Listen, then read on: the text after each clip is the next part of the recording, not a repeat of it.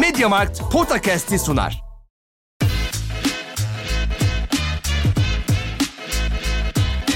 Potakast. Kaan Kural ve Orkun Çolakoğlu'yla NBA gündemine haftalık bir bakış.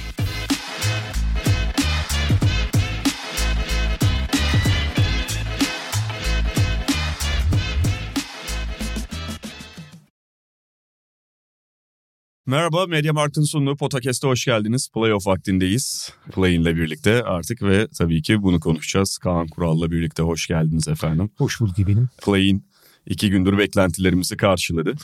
Ee, ve belli açılardan evet belli açılardan da hayır aslında yani. Hani rekabetçi açıdan evet. Ama Ya her maç %100 kaliteli olmadı da. hayır şey çok ki. acayip abi. Söyleyeyim hani özellikle son 3-4 yıldır hep biz yani ofansif anlamda özellikle e, takımların becerisinin arttığından hani yıldızların oyuna etkisinin daha da arttığından falan bahsediyoruz. Abi 4 play maçı oynandı şu ana kadar. Yani play'inlerin finalleri oynanmadı gerçi. Yani işte yenilenlerin yani 8.lerin rakipleri belli olmadı.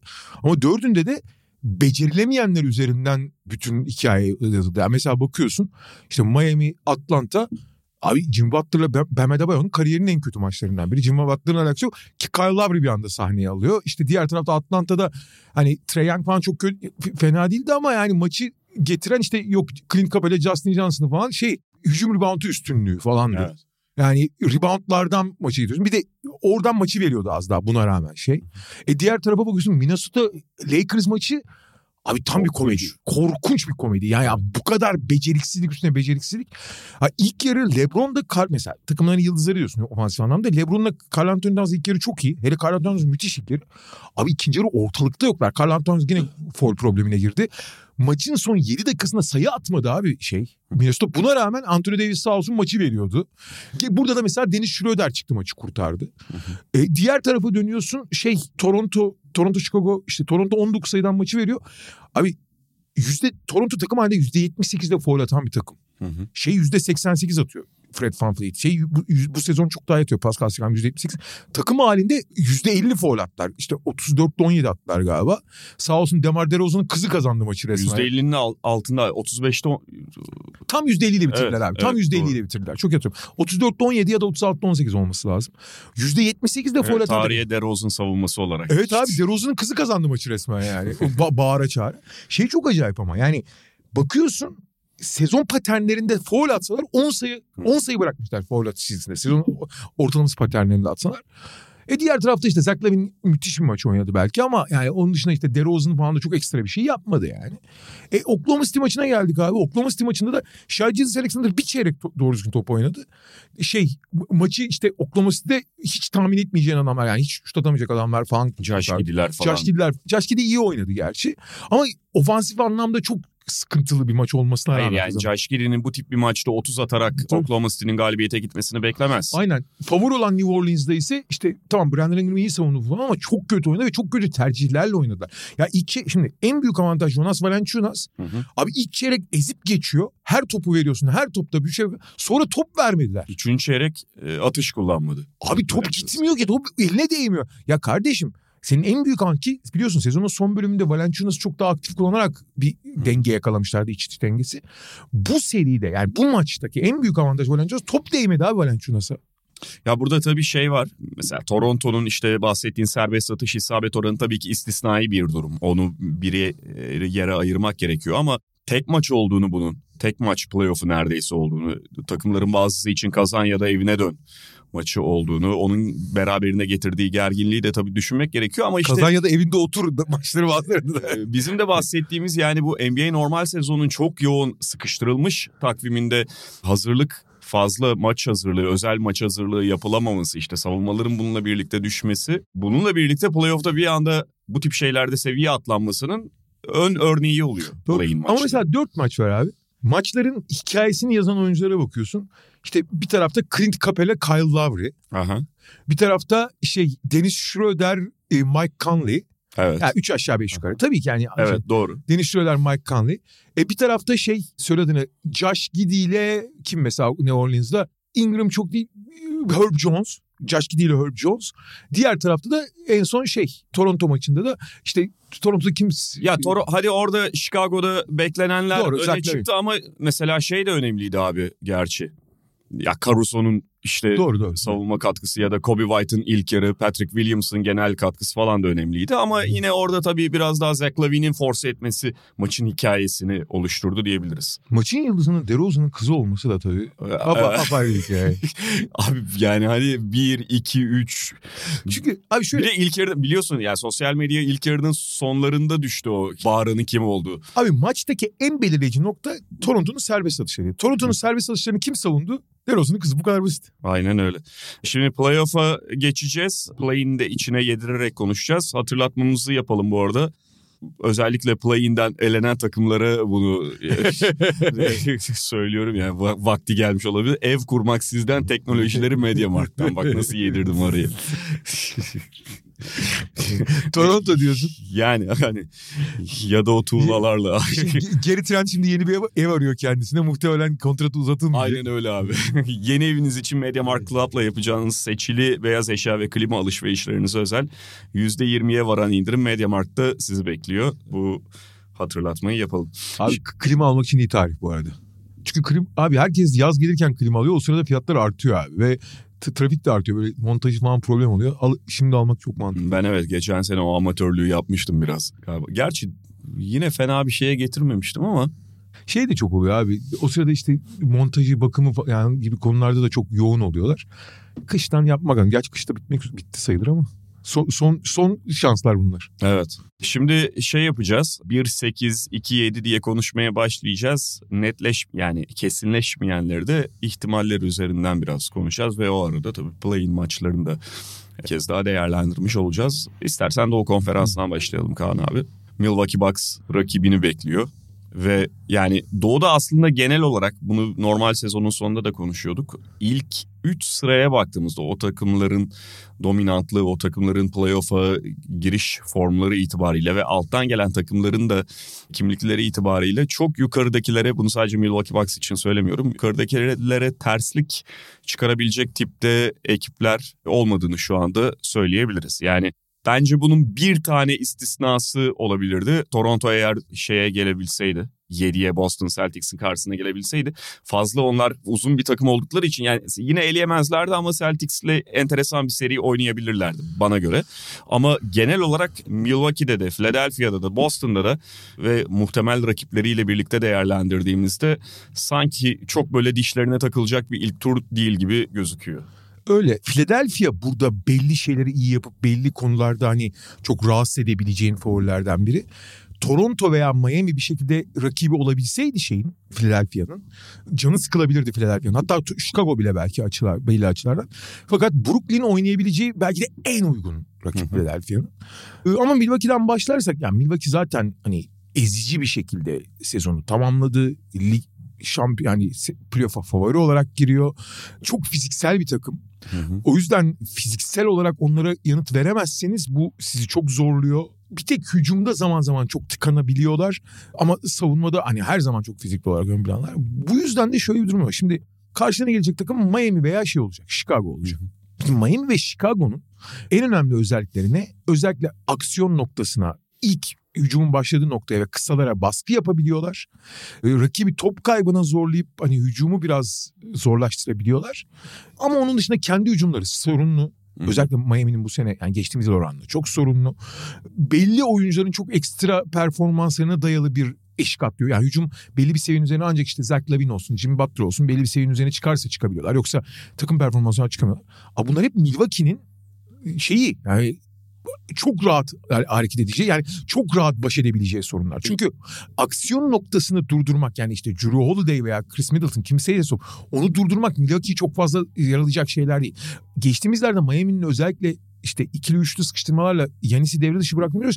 Bu sezon onun çok daha az etkili olur. Çünkü diğer oyuncular çok daha fazla devrede olduğu için ve bu fizikselliğine yanıt verebilecek takımlar da değiller. Ee, tam oraya gelecektim. Şimdi akıllara şu gelebilir tabii ki. Yani iki sene önce, iki sene önce miydi? Üç sene önce. Üç sene önce Üç hani sene oldu. bu takım e, Miami, Milwaukee'nin yoluna taş koydu falan. Nereden şimdi bu kadar böyle elverişli bir rakip? Milwaukee'nin işine gelecek bir rakip gibi gözüküyor. Çıkması halinde tabii diye konuşuyorsunuz diye sorulabilir ama işte aynı fiziksellik seviyesinde değiller artık. E- Zaten bunu en çok da hani belki onun üzerinden Atlanta Miami maçını konuşuruz. Ya Atlanta'ya karşı fiziksellik dezavantajı yaşadı Miami. Abi iki sene önce bu arada süpürdü mü Milwaukee şeyi?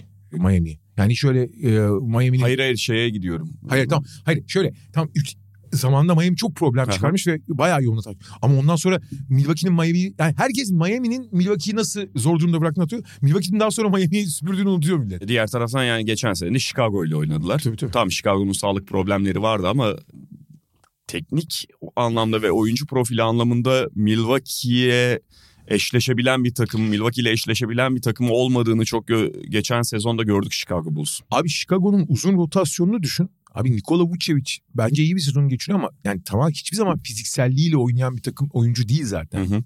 Abi yani Brook Lopez, Yanis'le ya da Bobby Portis'in o yırtıcılığı yapan baş etmeleri mümkün değil. Sen biraz zaman Miami örneğinden bahsettin. Abi adamlar Atlanta ile baş edememiş. Yani Jalen Johnson'la Clint Capela ile baş edememiş. Sen Brook Lopez'le Yanis'le mi baş edeceksin abi? Yani Atlanta neredeyse çok kabaca tarif edeceğim e, bütünüyle bu değil ama neredeyse bully ball oynayarak yendi Miami Heat'i. Sürekli kaçırdıklarının reboundunu aldılar. Artık bir ara komedi noktasına gelmişti e, ikinci yarıda ve son periyotta. canı buna rağmen yetmeyecekti de yani Jim Butler kariyerinin en kötü bitirdiği maçlarından Evet. biri. Yani Hatta Adebayo da ona biraz e, eklendi. Şöyle Adebayo'yu ben biraz ayıracağım. Yani Kyle Lowry çok çok ekstra oynamasaydı maç o kadar yakın gelmeyecekti. Ayrı konu. Yani Kyle Lowry Miami kariyerinde hiç 30 sayıya ulaşmamıştı. Bu sezon abi 6 kere 20, 20 sayı geçebilmişti sadece. Çok kötü oynadı. 33 attı maçta tuttu ama hani diyebilirsin ki diğerleri. Abi Jim Butler biraz iyi bitirebilse, biraz standart bitirebilseydi buna rağmen kazanırlardı. Fakat sorun şu abi. Bam Adebayo o kadar aciz gözüktü ki. Ya şimdi Jim Butler kötü bir maç oynadı. Onu kabul edelim. Bam Adebayo kötü maçtan farklı bir şey oldu. Ben Bam Adebayo ile ilgili daha önce de bir iki kere konuşurken şeyi söylemiştim. Adebayo çok özel bir oyuncu. İşte yılın savunmacısı adayı vesaire vesaire. Çok iyi bir switch savunmacısı. Belki de NBA'nin switch savunmacısı. İşte yüksek posttan oyun kuruyor. Yani özelliklerini saymaya gerek. Fakat küçük abi. Yani ve bu küçüklüğün zaman zaman hani bazı oyuncular fiziğinden büyük oynar. Draymond Green de öyle. Bam Adebayo'nun o konuda bayağı zorlanabildiğini falan görüyorsun. Abi küçücük kaldı ya orada. Ama şöyle bir şey de oldu abi. Haklısın da mesela Capela'dan sıyrılmış olduğu ya da Capela'nın ya da Okongwu'nun neyse peşi tam dibinde olmadığı pozisyonlarda da o da yakın atış kaçırmakta zorlandı. O yüzden diyorum yani genel olarak Butler ve Adebayo'nun standardın çok altında bir yakın atış performansı vardı. Miami'ye maçı kaybettiren başlıca faktörlerden. Atlanta müthiş hücum rebounduna girdi. Öf, öyle. Yani e, şöyle bir istatistik zaten vardı. Onu söylemek gerekiyor. Miami e, savunma rebound oranında ligin iyilerinden biri. Biraz garip gelebilir ama öyle. Normal sezon tablosuna bakıldığında. Atlanta'da en yukarıdakilerden değil ama dikkat çeken noktalardan biri. Ama tamamen force ettiler orayı. Evet. Yani e, sürekli dalıyorlar ve sadece yani iki pozisyondan falan da değil. Yırttılar mahvettiler oradan da. İşte playoff'un daha doğrusu bu playoff değil ama yani hedef maçı oynamanın farkı bu abi. Spesifik olarak stratejik değişiklikler yakıp rakibin zaaflarını değerlendirebiliyorsun. Quinn Snyder'da mesela bir Nate McMillan değil asla. Maça göre strateji değiştirebiliyor. Hı hı. Ve burada hücum rebound stratejisi çok işe yaradı. Ama şimdi abi sen buradan geldin şimdi Miami için geçerli ki Miami Chicago oyunu oynayacak. Şu aşamada hani Chicago'ya karşı da çok favori diyemiyoruz. Çünkü Miami'nin hücumu o kadar şey ki sorunlu ki ama doğal olarak yani iç sahada ve daha üst seviye e, bir takım olduğu da ortada. Yani ikisi de birbirinin gardlarını acayip bozacağı için hani bayağı 87-82 falan bitebilir maç. O yüzden hiç şaşırmam yani. Ama hangisi çıkarsa çıksın abi Miami yani Milwaukee'nin fizikselliğiyle yakınına gelmelerine bile imkan yok yani. Öyle. Ve tabii yani şeyde Atlanta'da mesela Miami'de zayıf savunmacı bilhassa Tyler Hero sahadayken çok hedefledi onu. Tersi de oluyordu da yani Chicago oyun, DeMar DeRozan ve Zach Lavine'e sahip olması itibarıyla direkt olarak Miami'nin o kanat savunmasında delik alan yerine e, gidebilecek bir takım. Ama dediğin gibi yani Chicago'da çıksa, şey de çıksa, Miami'de çıksa Milwaukee eşleşmesi çok parlak bir eşleşme gibi gözükmüyor. Bu arada Chicago'nun yani Toronto karşısında çok büyük karakter gösterdiğini de söylemek lazım. Tabii 19'dan Ee, geliyor. yani bu yeterli olmayabilir çıkmalarına falan başka konu ama ben Toronto'nun kazanmasını bekliyordum. Ki 19'dan geldiler bir. Toronto o kadar fazla kaçırmasa yine Raptors kazanırdı. iki. Ama ne olursa olsun yani. Ee. Chicago bu sezon. Chicago bu sezon çok ama fazla maçı geriden gelip kazanmayı başardı. Şey çok acayip. Yalnız şimdi iki, yani üç sene önce işte Yanis, Yanis duvarı denen hikayenin hani orijinal üreticisi herhalde e, Miami. Yani işte Yanis topu sahipken ana savunmacısı karşısında duruyor. İki tane en yakındaki savunmacı da çok yakın duruyorlar kendi adamlarını boş verip. Yanis harekete başladığı zaman kapatıp hani baraj kurup Yanis'in hata yapmasını istiyorlar. Yani teknik olarak bu olay. Tabii ki detayları var yani yardım paternleri falan. Abi bir eskisi kadar bunu yapamıyorsun. Yanis buna karşı çok daha hazırlıklı, çok daha doğru pası buluyor vesaire falan. Ama daha önemlisi şu anda onu yapmak o kadar da kolay da değil. Şeyden kolay değil. O tip bir ana savunmacı bulmakta da hadi Miami biraz bulabilir ama abi Chicago'nun öyle bir şansı da yok. Hı hı. Abi Chicago'nun hiç ama hiç eşleşme şansı yok Milwaukee ile. Yani işte bir Chicago Milwaukee birbirine çok yakın. Yani Milwaukee Chicago'dan bir saat dışarıda küçük bir şehir olduğu için biraz küçük kardeş gibi daha ekstra da bir motivasyonla oynuyorlar büyük abiye karşı. Ama iki tarafında Milwaukee'ye karşı birden fazla maç alma ihtimali yok bence. Evet Sade'de gelecektim ben de. Ee, 4-0 mı 4-1 mi diyorsun? Yani Ben ikisine de bir 4-1 vereceğim. A- Ama yani şey hani tam zaten şey denir ya gentleman sweep. Yani. abi şöyle Chicago olsa ben 4-0 derim. Miami olsa da ya Miami bir maçta ne yapacağı belli olmuyor. O yüzden hani bir maç Miami'ye sırf Miami olduğu için verirdim ama o da 4-0'a daha yakın. Valla Chicago'ya da şöyle geçen sene biliyorsun çok sürpriz bir ilk maçı mı kazanmışlardı geçen sene yoksa Olabilir. ikinci maçı mı? Ya Ee, genelde Milwaukee'den- Milwaukee ilk, maçları çok vermeyi sever. Chicago'da bir tane yani ekstra bir savunma performansı göstermişti yanlış hatırlamıyorsam. Sonuçta Lavin DeRozan ortaklığı yani onların her zaman böyle aynı güne 70 sayıyı toplamda sıkıştırma ihtimali oluyor. Onun da hatırına 4-1 yazıyorum ikisine birden. Valla ben 4-0 Chicago'ya yakın Miami'de de 4-1 çok zor. Ben yine 4-0 diyeyim abi. Hani Miami olsa 1 olabilir ama hani ikisine toplam şey 4-0 diyeceğim ben. Peki buradan Boston Atlanta'ya geçelim. Atlanta hakikaten yani etkileyici bir maç çıkardı Miami'ye karşı ve 7'yi aldı. Ama burada da şunla başlayayım biraz önce söylediğim şeyle yani bir şekilde keşke teknik olarak mümkün değildi de şey olsaydı Toronto üst taraftan gelen işte orada da bitirip 7'ye Celtics'in karşısına çıkan takım olsaydı biraz daha böyle kanlı kanlı derken hani kan yüzüne kan gelmiş bir playoff 2-7 eşleşmesi görebilirdik. Tarz itibariyle Raptors'ın biraz Celtics'e ters gelebilecek olması itibariyle ama Atlanta çıktıktan sonra ben Celtics'in hani iyi oldu be dediğini düşünüyorum. Şöyle alttaki dörtlüyü düşünürsen işte Chicago, Toronto, Miami, Atlanta sonuçta 7-8 maçını kazanan ve en üst sırada yer alan Atlanta oldu. Evet. Boston'ın en büyük en fazla tercih edeceği dört takım arasında takım Atlanta'dır herhalde. Evet, Çünkü evet. yani Boston'ın asıl şimdi Boston'ın en büyük özelliklerinden biri Boston kısaların çabuk aksiyonları üzerinden çok fazla oynuyor ki yani işte penetre üzerinden üçlük bulmaya çok dayalı oynuyorlar. Fakat o penetre yapabilmek için bir aksiyon noktasında biraz daha rahat hareket etmen. Yani o Chicago'nun Miami'nin çok bozduğu aksiyon noktasında biraz daha rahat olman. İkincisi kanatlarla eş, rakibin eşleşmesinin zor olması lazım. Şimdi abi Chicago ile Miami o ilk aksiyon yani tepede işte pick and roll olur işte izolasyondan penetre olur falan orayı iyi savunuyorlar genelde. Yani en iyi yaptıkları iş.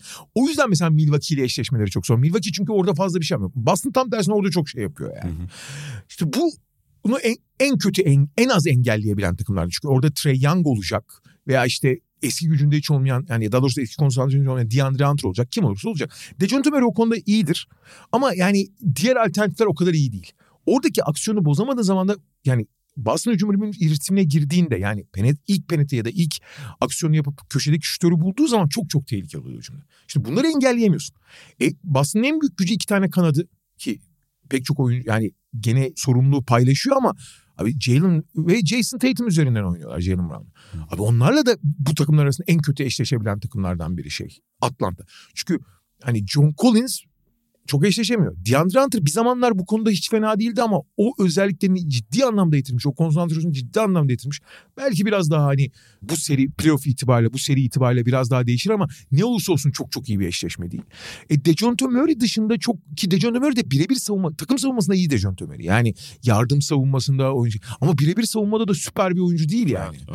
Abi yani Boston'ın en iyi tercih edeceği rakiplerden biriydi. Boston açısından da olabilecek en avantajlı eşleşme oldu bence. Ee, diğer tarafta Celtic sahada yani istediğinde özellikle zayıf savunmacı bulundurmuyor. Tabii tabii. Ve yani Atlanta'nın mesela Miami karşısında olduğu gibi bir tane böyle hedefleyecek oyuncu bulması imkansız gözüküyor.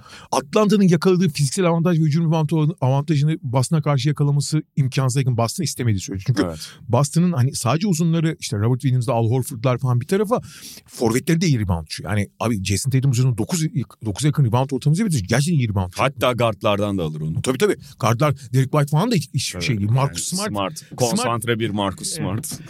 Boston herhalde en büyük sorunu bu sene. Özellikle Boston tabii çok ilginç bir sezon geçirdi. Yani sezonu muhteşem başlayıp ondan sonra çok tökezlediler falan ama sezonu çok iyi bitirdi Boston. Yani son 20 günü gerçekten iyi bitirdi. Şu anda formdalar abi bir de alternatif bitmiyor Boston. Yani aslında 10 kişi falan gayet rahat sahaya sürebiliyorsun ve senin söylediğin konu çok önemli. Zayıf savunmacı bulundurmadan sahaya sürebiliyorsun. Tek ama tek problem herhalde yani Robert Williams'ın devamlılık sorunu ve sağlık sorunları bir tarafa. Hani sezon boyunca da aşamadı artık herhalde bu sene ondan hani düzenli bir şekilde 20 dakikanın üzerinde yani kayda değer bir şekilde süre alıp kayda değer bir şekilde katkı vermesini beklemek e, biraz iyimserlik olur. Yani Hı. sakatlığı falan yok ama düzenli olarak devre dışı kalıyor. Yani artık bu sakatlığın nüksetmesi midir nedir ya da etkilemesi midir oynamıyor. Ama onun dışında tek problem var. Yani Marcus Smart felaket bir sezon geçirdi açıkçası. Yani sezon başından beri sakatlıklarla da o da boğuştu ama sebepleri büyük ihtimalle sakatlık temelli. Ama ne olursa olsun bir standart Marcus Smart sezonundan çok uzaktı. Geçen sene mesela Boston beklentilerinin de üzerine çıkıp iyi giderken hep işte dikkat Jalen Brown, Jason Tatum üzerindeydi haklı olarak. Hı hı. Çok da iyi oynadılar. Fakat geçen sezonki sıçramanın ve çıkışın Al Horford mesela harika bir sezon girdi ki onu devam ettiriyor olması bence büyük sürpriz bu yaşta. Fakat hep göz ardı edilen Marcus Smart'ın katkısıydı orada. Marcus Smart orada hani oyunu çift taraflı oynayarak, oyun sıkıştığında sorumluluk almaktan hiç çekinmeyerek bu sorumluluğu belki çok yüksek yüzdeyle bitirerek tamamlamadı ama alıyordu sorumluluğu. E, e abi oyun kurucu olmamasına rağmen bir oyun kurucu rolünü hiç fena oynamadı. Yani topu dağıtma konusunda falan. E, ama gerek savunma gerek hücum görevlerinde yani performansı çok ciddi anlamda düşmüş. İşin kötü yanı performansı düştüğü zaman tercihleri değişmediği için Marcus Smart'ın bu sefer o cesaretler zarar vermeye başlıyor. Yani iyiyken cesur oluyorsun. Çok verimli olmasan da yararlı oluyorsun. Çünkü zor topu yani zor işi yapmaktan çekinmediğin için başarılı olmasan bile o zorluğu aşmanı sağlıyor senin. Hani çok zor bir topu atıyorsun. Abi o sorumluluk onda kalıyor. Yani kimse de bir şey demiyor. Şimdi yalnız kötü olduğu zaman o sorumluluğu aldığı zaman bu sefer zararı çok büyük olmaya başlıyor. Maalesef yani tek sorun belki de o. Ben 4-0 diyeceğim bunu. Abi şöyle ben de normal şartlarda şey derdim. Boston'ın mutlaka mutlaka bir tane saçmaladığı maç oluyor abi. Ya böyle abi nasıl bu kadar da saçmalıyorsun diyorsun. Ama son dönemde çok daha iyiler. Ve o büyük düşüşten sonra yani iki aylık falan kötü dönemden sonra çok ivmeyle geliyorlar. Ben de 4-0 diyeceğim ya. Bir de abi şey de ekstra motive eder mi Boston'u diye düşünüyorum. Yani bu noktada buna ihtiyaç olmaması lazım da burada işi mümkün olduğunca çabuk bitirip ondan sonra çünkü ikinci tur başka bir seviye olacak muhtemelen. Hiç böyle ciddiyetsizlik yapmayalım bir tane bile maç kaymasın motivasyonuyla dikkatiyle oynarlarsa zaten dört maçta bitirmeleri de gayet olası gözüküyor. Aslında oralarda her zaman bir tane bir maçta ne yapıyorsunuz abi siz? E, tabii tabii o var ihtimal yani. dahilinde. Ya At- Atlanta'nın çok ekstra bir maç oynamasındansa hı hı. Ya mesela işte Milwaukee için konuşurken hani Chicago ve Miami'nin hangisi gelirse çok ekstra bir maç oynayıp işte Jimmy Butler'la işte Zach Lavine'le bir maçı çalma yani Milwaukee her konuda üstün olmasına ihtimal var. Boston Atlanta'da ters yani Atlanta çok aslında bireysel olarak yetenekli bir takım. Ama çok çok ekstra işler yaparak maç çalmaktansa Boston'ın saçmalayıp maç verme ihtimali daha yüksek yani. Evet. Peki buradan Philadelphia Brooklyn'e geçelim. Philadelphia için ne kadar şanslı eşleşme. Ha, bu arada herkes için şanslı. Abi bakıyorsun. Şimdi alttan kimler geldi abi? Atlanta geldi. Hı hı. İşte Miami, Chicago'dan biri gelecek. İşte ve Brooklyn gelecek değil mi? Abi bu üç yer değiştirse X tur serileri çok daha farklı yani çok evet. daha dişli olabilir. Bunu söylemiştik zaten. Ya, Philadelphia... Ya bir, bir de biraz önce senin bahsettiğin şey Philadelphia için de söylediğin şey benim Boston Hı. senin Philadelphia için yani eğlendi artık tamam ama fizikselliği itibariyle Toronto burada biraz daha böyle şey yine elenecekti. Yine bo- boğazdan geçecekti ama biraz takılarak geçecek tabii, bir tabii. E, takımdı. Ve mesela Çünkü Philadelphia... farklı bir şeyde uzunluğa sahip. Philadelphia bir de işler kötü gittiği zaman bir saçmalama potansiyeli artan bir takım olduğu için hani onları çok paniğe sürükleyebilirdi işler. Yani ama evet. belki de olabilecek en iyi eşleşme geldi Philadelphia'ya. Çünkü Philadelphia'nın Philadelphia'nın sorunları ne? Philadelphia'nın güçlü olan tarafları ve sorunlu tarafları var. Hı. Mesela Milwaukee ve Boston'dan farkı orada. Milwaukee ve Boston'ın iyi olduğu taraflar var. Zaafları oldukça sınırlı. Hı hı. Philadelphia'nın iyi olduğu bazı şeyler belki de e, Boston ve Milwaukee'den de iyi ki o yüzden zaten Milwaukee'ye çok ters diyorlar. Fakat zaafları da hakikaten çok tuhaf ve yani favori takım için Özellikle çok playoff'ta çok üzerine vurulabilecek ha. tipte e, zaaflar. Transit savunması çok kötü abi Philadelphia'nın. Gardlar çünkü çok sorumluluk ve atletizm ve işte genel birebir savunma konusunda problem oldu. Transit savunması çok sorumlu. Guard problemi. e, top savunması çok problem. Yani topu savunmakta çok zorlanıyor. Guard savunması.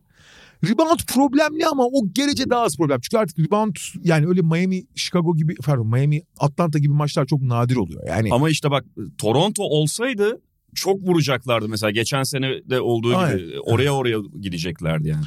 aynı zamanda Philadelphia şeyi söylediğinde çok top kaybına teşne bir takım. Yani çok çabuk ikili sıkışma yaparsan işte mesela o yüzden Chicago, Miami ve şey çok daha Toronto çok daha tehlikeliydi.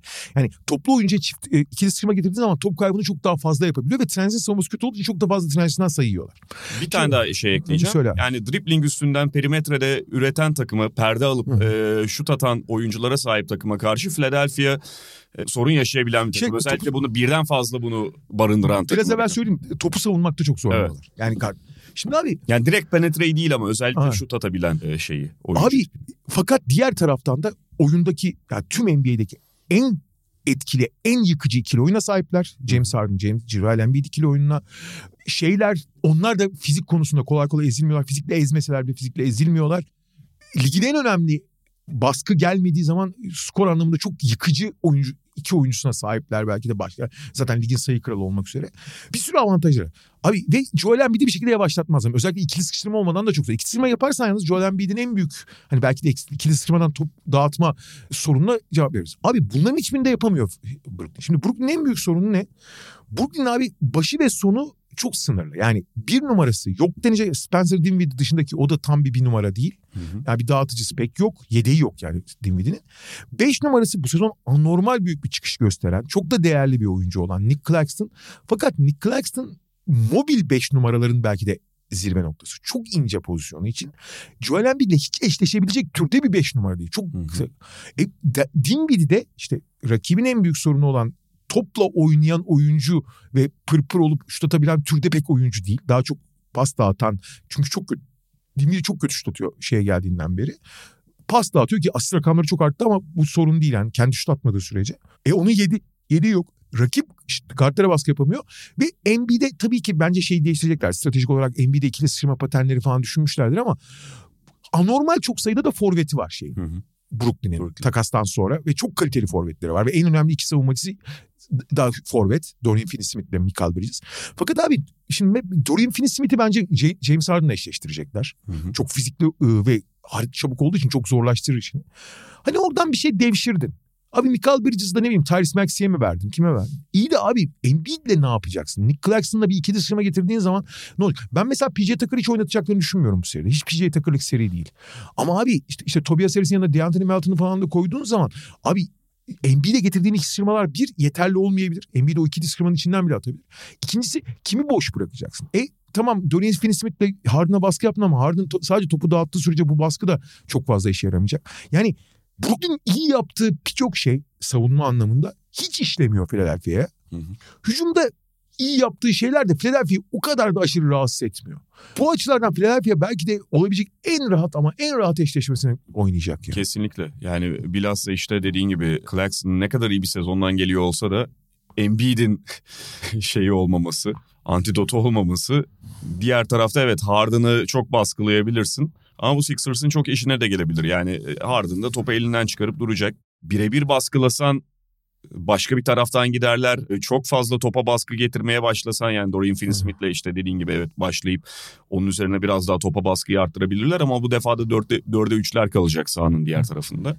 Yani bütün yollar biraz Sixers'ın ekmeğine yağ süren şeye PJ geliyor gibi. Sadece Doug Rivers böyle saçma sapan işler yapmayı sever abi. PJ Tucker'ı gereksiz yere fazla oynatırsa PJ, Aha. Tuck- yani PJ Tucker'dan sürekli yardım getirip e, PJ Tucker'ı riske ederek bir şekilde oynayabilir Brooklyn. Tek yapabileceği yani başka ka- kaçışı yok yani çıkışı yok çünkü. PJ Tucker'ı daha az kullandığın her senaryo onun yerine ister, ister Shake Milton oynat, ister DeAndre Melton oynat, ister Daniel House oynat fark etmez. Fila, yani Brooklyn yapabileceği çok çaresiz kalacak Brooklyn. Bir tek şey avantajı var işte Spencer Dinwiddie tek guard olduğu için baskı yediğinde falan çok zorlanıyorlar. Neyse ki Philadelphia çok garda baskı yapan bir takım değil yani en azından oradan belki. Mesela atıyorum Milwaukee ile falan oynasalardı Drew Holiday Dinwiddie'yi boğsaydı hani hiç elleri kolları kırılırdı. E, kolları kanatları kırılırdı yani.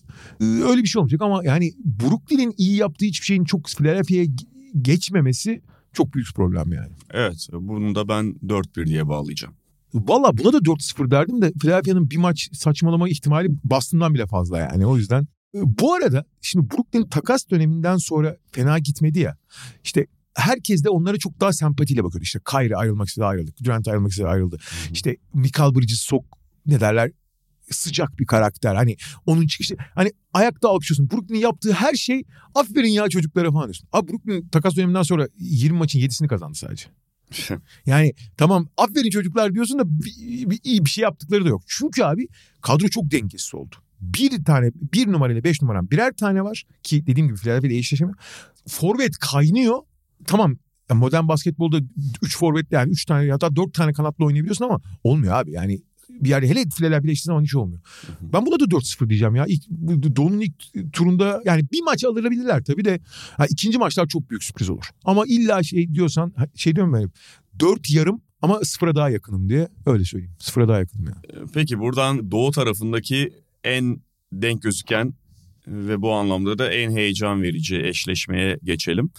Cleveland New York. Tabii burada da biraz tat kaçıran bir şey Julius Randle'ın sakatlığı oldu. Bütün sezonda sağlıklı oynuyorken en az maç kaçıran hatta hiç maç kaçırmamış hiç maç kaçırmamış oyna, e, oyunculardan biriyken öyle bir yerde sakatlandı ki şimdi net bir şey yok onunla ilgili dün ve... dün ilk şey 1'e 0 idman yapmış ama çok e, bir de sakatlık bilek burkulması olduğu için hani şey diye düşünmemek lazım. Hani işte hamstring gibi hani tam takvimin çok belli olmadığı veya nükse etmesi riski çok yüksek sakatlıklardan değil. Yani iyileştiği an sahaya çıkabilecek gibi bakmak lazım evet, yani. ama mesela cumartesi başlıyorlar direkt. Cumartesi yetişmesi çok zor ama ben mesela üçüncü maçtan itibaren oynamasını çok çok yani en azından şu anki görünen en az üçüncü maçtan itibaren ve full kapasite oynayabileceği söyleniyor.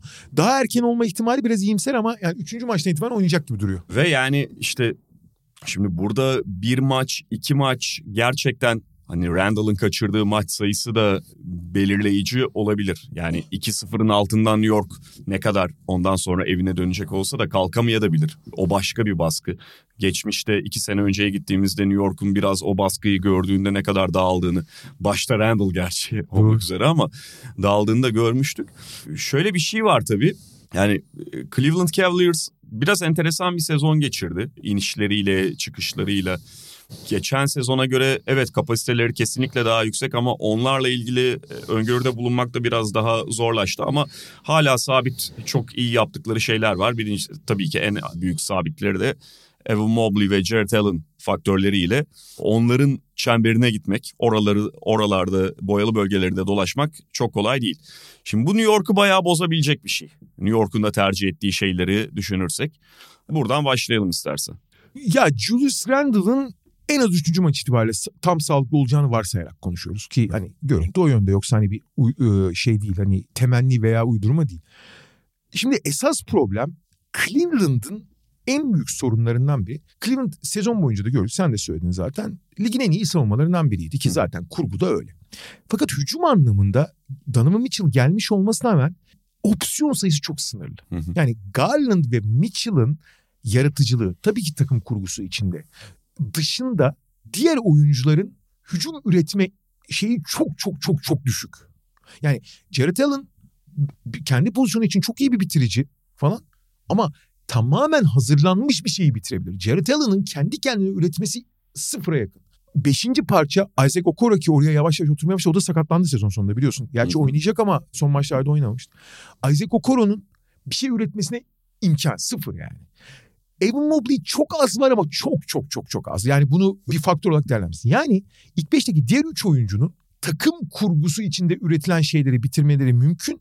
Ama orada da şimdi modern oyun dediğin şey abi setten ve takımın oynadığı plandan az şey çıkarıyor. Burada yapılan şeyde yani işte Klasik abi herkesin oynadığı oyunlar var işte Horns var işte İspanyol pick and roll'un versiyonları var DHO'lar var işte e, yüksek dirsekten veya kenarda oynanan pick and roll temelli bir sürü oyun var her şey pick and roll temelli zaten de. Şimdi bunlar abi çok gizli şeyler değil ya da millet hani sen çok farklı bir iki tane var öyle farklı şey yapan takım ama bunlar işte 100 hücumun 5'inde 6'sında yapılıyor abi genelde takımlar Tabii ki personelleriyle iş çok değişse de mesela Toronto ve Golden State'i ayırmak lazım biraz ama 3 aşağı 5 yukarı dünyadaki bütün takımlar bu arada. Abi 100 hücum 80'ini falan çok paralel şeylerle oynuyorlar. Yani çok bilinen şeyler. Çünkü verimli olan bu kardeşim hani çap köşede pick and roll'u topla oynayabilen guard ve iyi, bir perdeci uzun varsa iyi oynuyorsun yani. Ya da guard guard şey, mesela Oklahoma City guard guard pick and roll'larını çok oynuyor ama aynı şeyi oynuyorlar aslında. Guard uzunla oynaması. Abi Cleveland'da normal bir oyunda bu ilk aksiyon ne olursa olsun o aksiyonda yakaladığın avantajın büyüklüğü ve o avantajın ne kadar kullanabildiğin belirliyor. Yani işte ilk perdede rakibi tabii savunma da bir şey yapıyor. İşte ne bileyim garda ikili sıçrama getiriyor mesela. Topu elinden çıkaramasın diye topluyor. Dördü üçe to, to, ulaşmasın diye.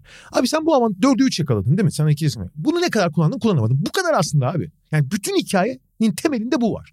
Bir sürü varyasyonu var ama temelinde bu var. Mesele Cleveland konusunda ki aslında pek çok takım benzer durumda. Abi Darius Garland ve Donovan Mitchell dışında kenardan gelen Karis LeVert'ü de buna ekleyebilirsin ki Karis LeVert de bunu ne kadar ha iyi yapmak kötü yapmaktan sonra yapabilmekten bahsediyorum. Abi yapabilecek üç oyuncusu var. Karis LeVert, Donovan Mitchell ve Darius Garland. Darius Garland. Uzundan hiçbir yapım.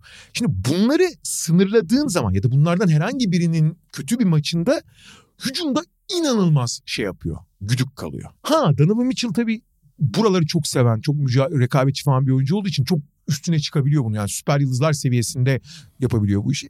Ve bir şekilde idare ediyorsun. İşte oradan yakaladığın avantajları çok sonuca dönüştüremezsen de hani en azından bir şekilde idare edebiliyorsun.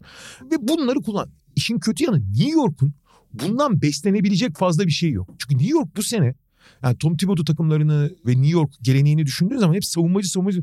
Abi sezon New York iyi savunma falan yapmıyor. New York savunma birliğinde 23. mi 20 öyle bir şey yani 22. mi ne? Ve hani bakıyorsun Şimdi Jalen Brunson, R.J. Barrett, Julius Randle ve şeyi düşünüyorsun. Kim dört beşinci parça? Ee, Quentin Grimes. Zaten Quentin Grimes'in yerleşmesi biraz işi dengeli. Quentin Grimes rakibin en önemli dış oyuncusuyla başa eşleşiyor ve fena iş yapmıyor. Ve Mitchell Robinson içeride bekçilik yapıyor ama o da çok klasik.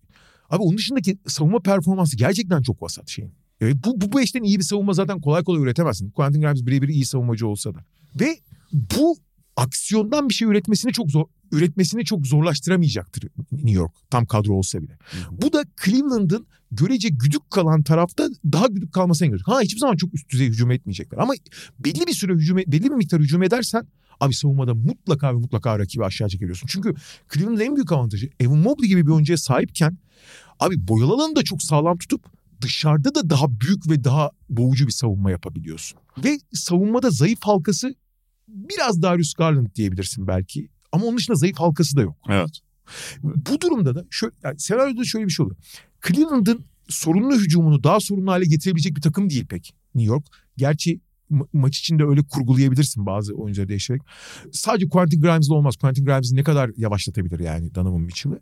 Hücuma geldiğin zaman da New York boyalana çok saldırmayı seven bir takım acayip boyalı kalanı saldırarak oynuyor. İşte R.J. Barrett saldırarak oynuyor. Jalen Brunson, Jalen Brunson çok unik bir karakter. O boyalarına giriyor ama boyalarının hemen dışından atıyor. Yani girip çıkarak atıyor. Fakat abi Evan Mobley'e falan denk gelirsen Jalen Brunson o şutları kolay kolay atamaz. Çünkü Evan Mobley genelde boyalarına bir adım atıp savunmacıyı çekip hemen bir geri adımla orada. Yani başkalarının 3 sayı çizgisinde yaptığı step back'leri boyalı alanda yapıyor. Kısa olmasına rağmen inanılmaz bitiriyor olağanüstü bitiriyor yani ki yıllardır yapardı bu sezon zirveye çıkar. Fakat abi Cleveland'da bunu yapmak daha zor. Hı hı. Cleveland'da orada hamle yapacak oyuncular, boyalandan sonra hamle yapacak oyuncular çok daha zorlaştırır işini yani. Burada da bu kadar boyalanan saldırıyorsun. Boyalana Cleveland boyalanına bu kadar saldırırsan başın belaya girer. New York'un çok dikkatli ve normalde yaptığı şeylerden farklı şeyler yapan bir oyun oynaması gerekiyor bence. Ee, sen şeyden bahsettin yani New York savunma kimliğiyle değil aslında hücumla öne çıktı hmm. bu sene. Savunmaları da vasat hatta vasatın altındaydı. Ama işte o hücum da normal seviye, normal sezon seviyesinde kalabilecek mi? Çok zor gözüküyor bu eşleşmede ve Randall'ın da sakatlık problemiyle eşleşmeye playoff'a başladığını düşünürsek. Yani Şöyle bir avantaj biraz var. şeye benzer şekilde iki sene önceki işte o Atlanta şeyine benzer şekilde New York hücumunun ciddi anlamda duvara çarptığını görebiliriz. Burada bak aynı şeyi düşünüyorum zaten onu anlatmayacağım. Fakat abi Cleveland da öyle bir takım ki kimseye kolay kolay yenilmiyor savunma sahasında. Fakat kimseyi de kolay kolay yenemiyor evet, da. Evet. Çünkü kendisi de maçı kıramıyor. Yani eğer Donovan Mitchell falan delirmezse yani. Bu durumda New York'un psikolojik olarak senin biraz evvel bahsettiğin kendi kendine paniğe kapılıp kendi kendine saçmalamazsa New York maçlar çok başa baş başa baş giden maçlarda New York'un avantajı var abi. New York'un maç sonundaki işte Jalen Brunson olsun her ne kadar sorunlu olsa da Julius olsun o tip maçlarda tribün genel takım enerjisi falan daha yüksek New York'un. Ama istediği hücumu yapamadığı zaman paniğe kapılmaması lazım. Çünkü Cleveland yani tamam işler Cleveland istediği gitse bile Cleveland kolay kolay maçı koparamıyor yani.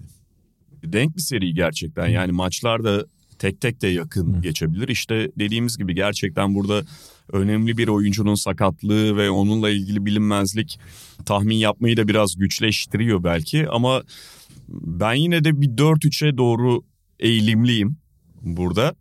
Ne tarafa vereceğimi çok bilemezsem de yani 4-3 dediğin zaten hani iki tarafa da gidebilir haliyle doğası gereği. Randall 2'de mi dönecek, 3'te mi dönecek?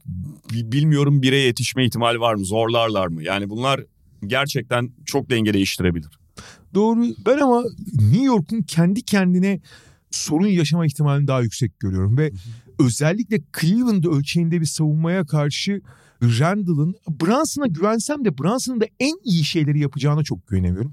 R.J. Barrett'ın kurtarıcı olmaya kalkıp yani iyiden iyiye saçmalama ihtimali yüksek. Yani güvenilir bir hücum olacağına inanmıyorum ben New York'un fazla. Yani New York'ta herkesin başından büyük işler yapmaya ihtimalini yüksek gördüğümde bu Cleveland'ın ekmeğine yağ sürecek gibi geliyor.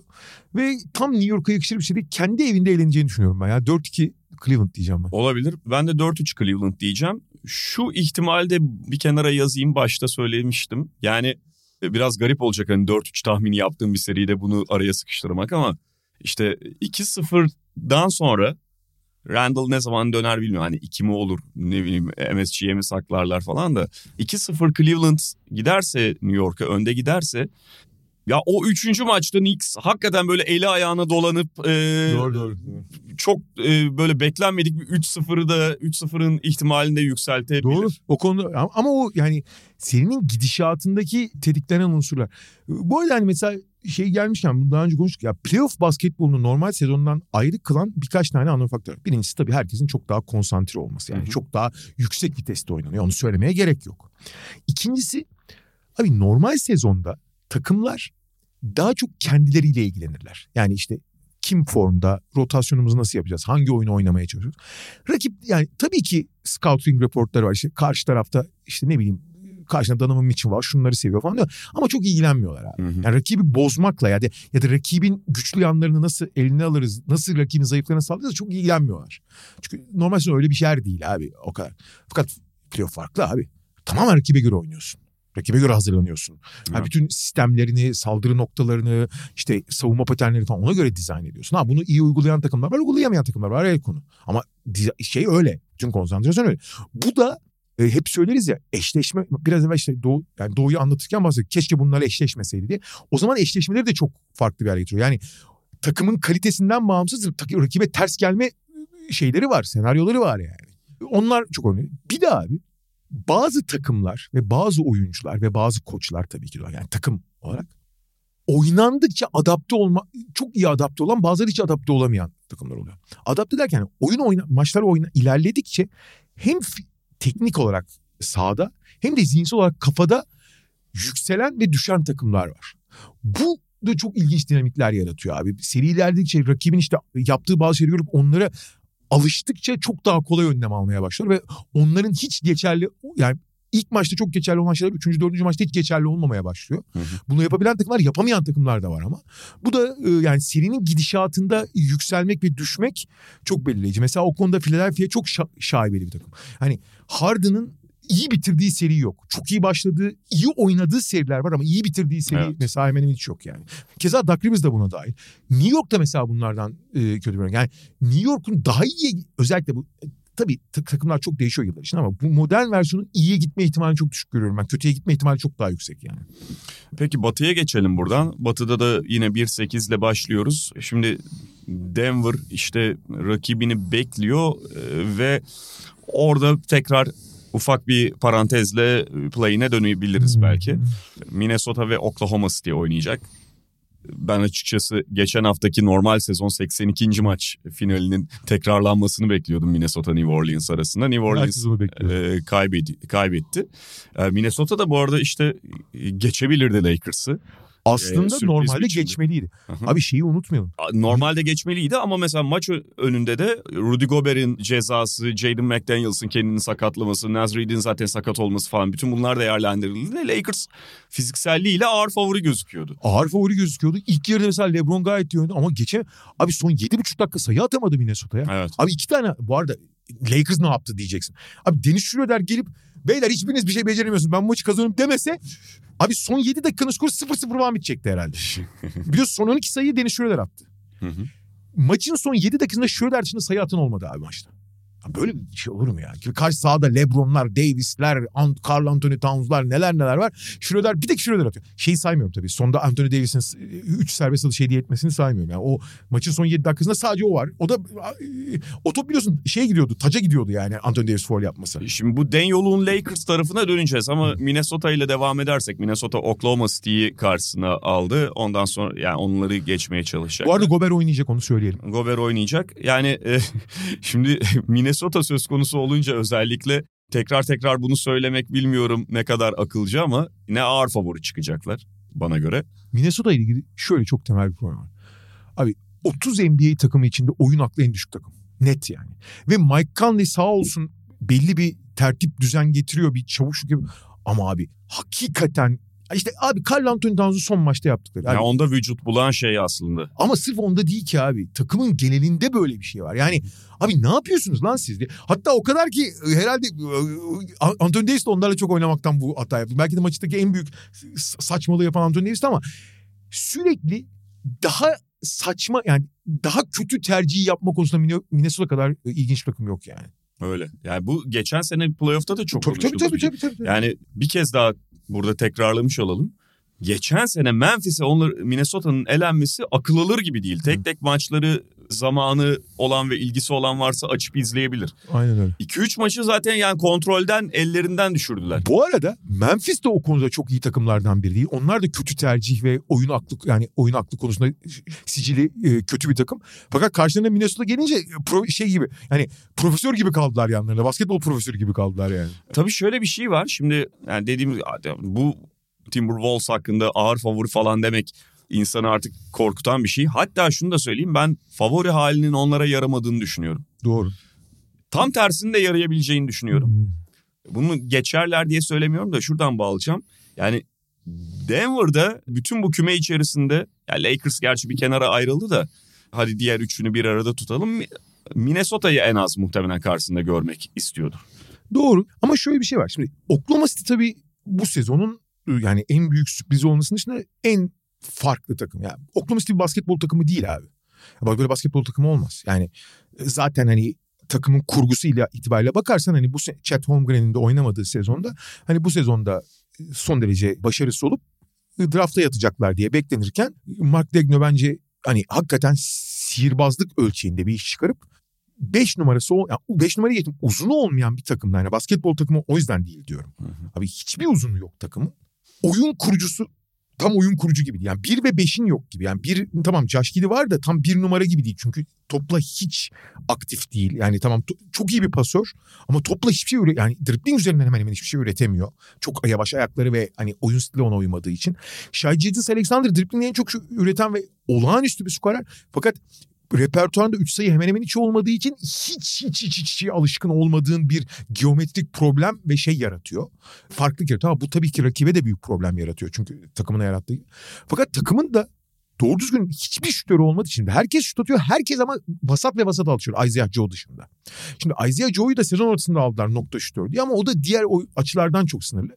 Abi 2023 basketbolunda savunmanın temeline çember ve çember caydırıcılığı değil mi? Sıfır bu konuda. Sıfır yani. Yani en çok uza oynattıkları uzunlara bakıyorsun. İşte Jeremy Robinson rolden tamamen vazgeçtiler ama Jalen Williams'la oynuyorlar şu anda. Jalen Williams ne yapıyor abi? Çok küçük kaldığı için genelde e, e, ligin en çok hücum, e, hücum foul yaptıran oyuncusu. Derek White gibi savunma yapıyor abi.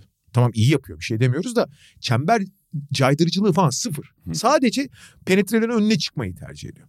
E abi Isaiah Joe dışında felaket şut attıkları için acayip de kapanıyorlar. Dün işte mesela bir seyrediyorum abi. Şey e, Oklahoma City, New Orleans'da bu arada şut konusunda problem olduğu için 90'lar nostaljisi izledik abi. Boyalı alanda 7 kişi falan vardı yani. Herkes boyalı alanda. Çünkü niye rakibin şutuna hiç saygı göstermiyorsun? E zaten rakip... New Orleans'ta bu saygıyı hak etmiyor. Hak etmiyor. Trey Murphy dışında kimse şut atamıyor onlarda da. Gerçi bir tık daha iyiler şeyden Oklahoma City'den. Abi herkes içeride boğuşup duruyor. Abi Oklahoma City hem şut atamayıp alan açamıyorsun. Hem çember caydırıcılığın yok. Abi bu basket yani bu 2023 basketbol takımı değil. Yok böyle bir şey yani. Ama muazzam bir savunma konsantrasyonları, yardım ve yardımdan geri dönme yani help and recover paternleri, dribbling üzerinden çok fazla ve handofflardan ve katlardan çok fazla şey elde edebilen ve ligin belki de biraz evvel bahsettik yani hücumun yakaladığı avantajı sonuca dönüştürmek. Abi en büyük hücumdaki amaç, temel amaçlardan biri topu istediğin yere götürebiliyor musun? Bu pasla olur, driblingle olur. O yani temelde bunlarla olur. Abi bu konuda tüm NBA'deki en iyi oyuncu bir Shai Gilgeous Alexander. Shai Gilgeous Alexander istediği yere gidiyor abi. Hiçbir şekilde onun istediği yere gitmesine engel olamıyorsun. İkili sıkıştırmayla bile durduramıyorsun. Ben böyle aradan vış diye geçen ikinci bir oyuncu daha bulamazsın. Sorun şu ki 3 sayı tehdidi düşük olduğu için daha dar bir alanda oynamak zorunda kalıyor. Hı. Oraları da sızıyor ayrı konu. Ama gene de daha dar bir yer. En azından orayı daha kalabalık tutup onu bir şekilde istediği açıyı falan vermeyebilirsin. Buradan bir şeyler devşirmeye çalışıyor ama 3 sayı tehdidi olmadığı için hep güdük kalıyor abi. bu. Bu hep güdük kalıyor. Artı evet çok iyi bir yardım paterni var. Çok iyi adam değişerek ikili sıkıştırma, sıkıştırma, sıkıştırmadan sonra geri dönüşleri iyi yapıp rakibi çok fazla hataya zorluyorsun. Ama rakip hata yapmadı. Rakip az hata yaptığı zaman da bundan çok fazla şey devşiremiyorsun. İçeride ne rebound olabiliyorsun ne pota dibinden şey yapabiliyorsun. Yeterince rakibi durduruyor. Oraya girdiği zaman çok rahat basket atıyorlar. İşin daha kötü yanı Oklahoma City penetre etmeyi seviyor fakat onlar da iyi bitiremiyorlar. Hı hı. Abi hem üç şey atamıyorsun hem boyalan bitiremiyorsun. Daha ne yapıyorsun yani? Ancak işte Şahici Salengler'e atsın öyle bir devam edelim. Şimdi bu senaryoda Minnesota saçmalamadığı sürece turu geçecek gibi gözüküyor. Yani maçı geçer gibi ama Minnesota'nın saçmalama potansiyeli de yüksek. Bunların herhangi bir yalnız Denver'a karşı geldiği zaman Denver sezonu çok kötü bitirdi abi. Yani evet işte birinciliği garantiledi sonra rölantiye aldı falan diye bak, bakmak normal ki bu t- kesin değişim. Ama abi oyuncuları sahadayken bile yani rölantide düşük vitesteyken bile abi takımın çok ciddi ritim kaybettiğini görebiliyordun. Anormal ritimsizler şu anda. Hı hı. Onların şansı bir oyun aklı çok yüksek olduğu için yok hiç başta olmak üzere Minnesota'ya personelden bağımsız bir oyun aklı tur bindiriyorlar. Diğer tarafta da Oklahoma City'nin en büyük sorunu olan uzunsuzluğa karşı abi yok içi orada oynatabiliyorsun. Yok içi oradan pas da verebiliyor, bitirebiliyor. Ve abi yok için yani zaten olağanüstü bir oyuncu da en fazla paramparça edebileceği rakiplerden biri Oklahoma City. Yani çok uygun bir eşleşme geldi şeye de. Philadelphia çok şanslı demiştik ya. Bence Denver de çok şanslı. Mesela Denver New Orleans'la veya işte elenen takımlar için konuşuyorum. New Orleans'la veya işte bu e, oynasaydı çok daha zorlanabilirdi şeye karşı. e, New Orleans'a karşı. Ama Minnesota ile şey onu çok daha az rahatsız edecektir Denver. Yani şöyle bir şey var hani e, bir tarafta Oklahoma City dediğin gibi hani çember savunması uzun yok. Diğer tarafta Minnesota'da bunlar var ama Gober de senelerdir görüyoruz yok hiç o kadar ters gelen bir oyuncu değil ya da e, Gober'i kendi alanından çıkarıyor zaten yok hiç. Ha tamam diğer pozisyonlardaki fizikselliği Minnesota'nın Denver'ın işini zorlaştırabilir ama direkt olarak böyle yok içi sıkıştıracaklar, yok içi sınırlayacaklar gibi bir şeye gitmemek lazım. Yine de yani o New Orleans, Oklahoma City, Minnesota arasında haliyle e, Timberwolves daha az tercih edecekleri şey Ve New- e, rakiptir. New Orleans şey Minnesota'nın oyun aklıyla ilgili falan çok artık ama Minnesota abi çok iyi bir savunma takımı. Ve Onu, ben onu unutmamak lazım. Ve Denver yok hiç çok fazla bireysel oynamadığı için diğer oyunculara karşı iyi savunulduğu zaman tamam Michael Porter Jr. savunma arkasından şut atabiliyor. Abi Denver zaten bu kadar hani ritmini kaybetmişken iyi ve sert bir savunma Denver'a çok fazla bocalatıp çok fazla top kaybı yapıp çok fazla işini zorlaştırabilir yani. ve abi şeye döneceğim. Ben Timberwolves'a underdog durumuna düşmenin, o pozisyona geçmenin iyi geleceğini düşünüyorum. Bence Bak normal sezonda da bunun işaretlerini gördük. Yani Timberwolves sıkıştığında şu sezonun son 2-2,5 haftası 3 haftası diyelim çok net e, göstergeler sunuyor buna dair. Carl Anthony Towns yeni dönmüştü. Onu daha hani oy, back to back oynatamıyorlar ya da dönmediği maçlar var. Anthony Edwards'ın sakatlığı. O dönem kadroları bayağı daralmış durumdaydı ve zor fikstürden geçiyorlardı. En iyi çizgisini yakaladı Minnesota. Ondan sonra Kat döndü. E, hatta Edwards da döndü. Maçlar kolaylaştı. Patır patır bırakmaya başladılar. Bu Portland'da yenildiler abi. Portland'da yenildiler. Portland'da Lakers'a istesen yine. kazan yani geçen hafta konuştuk tekrar tekrar aynı şeyi söylemeyelim ama Lakers'a bence kazandıkları maçı verdiler. Abi aktif bir şekilde kaybetmeye çalışan Portland'a yenildiler ya. Hı hı. Ve çok önemli maç. Bu arada abi biz play'inden bahsettik. Anthony Edwards'ın hani rezilliğinden bak o kadar kötü oynadı ki o Evet. kadar bak kötü oynamak başka bir şey. Fakat bu kadar etkisiz ve bu kadar silik oynayamazsın abi bir hedef maçında. 7 dakika takım sayı atamıyor. Abi hiç ortada yoksun. Bu, abi ben ağzım açık kaldı izlerken. Yani Abi çok kabul edilemez bir performanstı yani. Ki genelde Carl Anthony Towns bu konuda çok eleştirilir. Anthony Edwards bence bu çok eleştirmeli. Ama şey çok önemli abi. Şimdi eğer Minnesota beklendiği gibi bence Oklahoma City olur da bir şekilde tek maçı geçebilir çünkü Minnesota. Abi Denver şey yapar. Yani 40 gün 40 gece düğün yapar abi. Oklahoma City'nin çünkü Denver'a problem çıkarma ihtimali bile yok bence. Fakat abi normal şartlarda Minnesota kazanması gereken o maçı kazanırsa ki biliyorsun sen de söyledin yani favori olduğu maçları kazanır. Kazandı diyelim. Jaden McDaniels büyük ihtimalle gene olmayacak. Yani o çatlak öyle 3-5 günde geçmez. Belki ikinci tura yetişebilir çünkü çok basit bir çıkırık ama oynamayacak. Nazri de olmayacak. Şimdi bunlar tabii ki bir önemli eksik. Hele ki aynı pozisyon.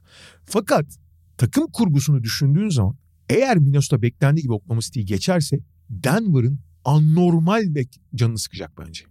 Denver çünkü yani Beşinci viteste bir Denver herkes yenebilir biliyoruz.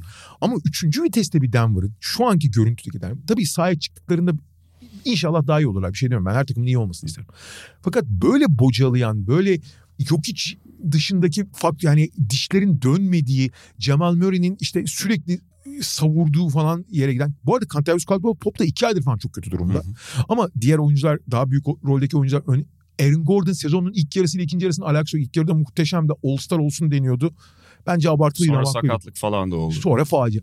Abi şu anda çok kötü durumdalar. Yani gerçekten gitmiyor. Dönmüyor şey yani. Dişler dönmüyor. Her şeyde yok iş döndüremez ki abi. Döndürmeye çalışıyor. Bu arada Michael Malone bence rezalet bir iş çıkarıyor.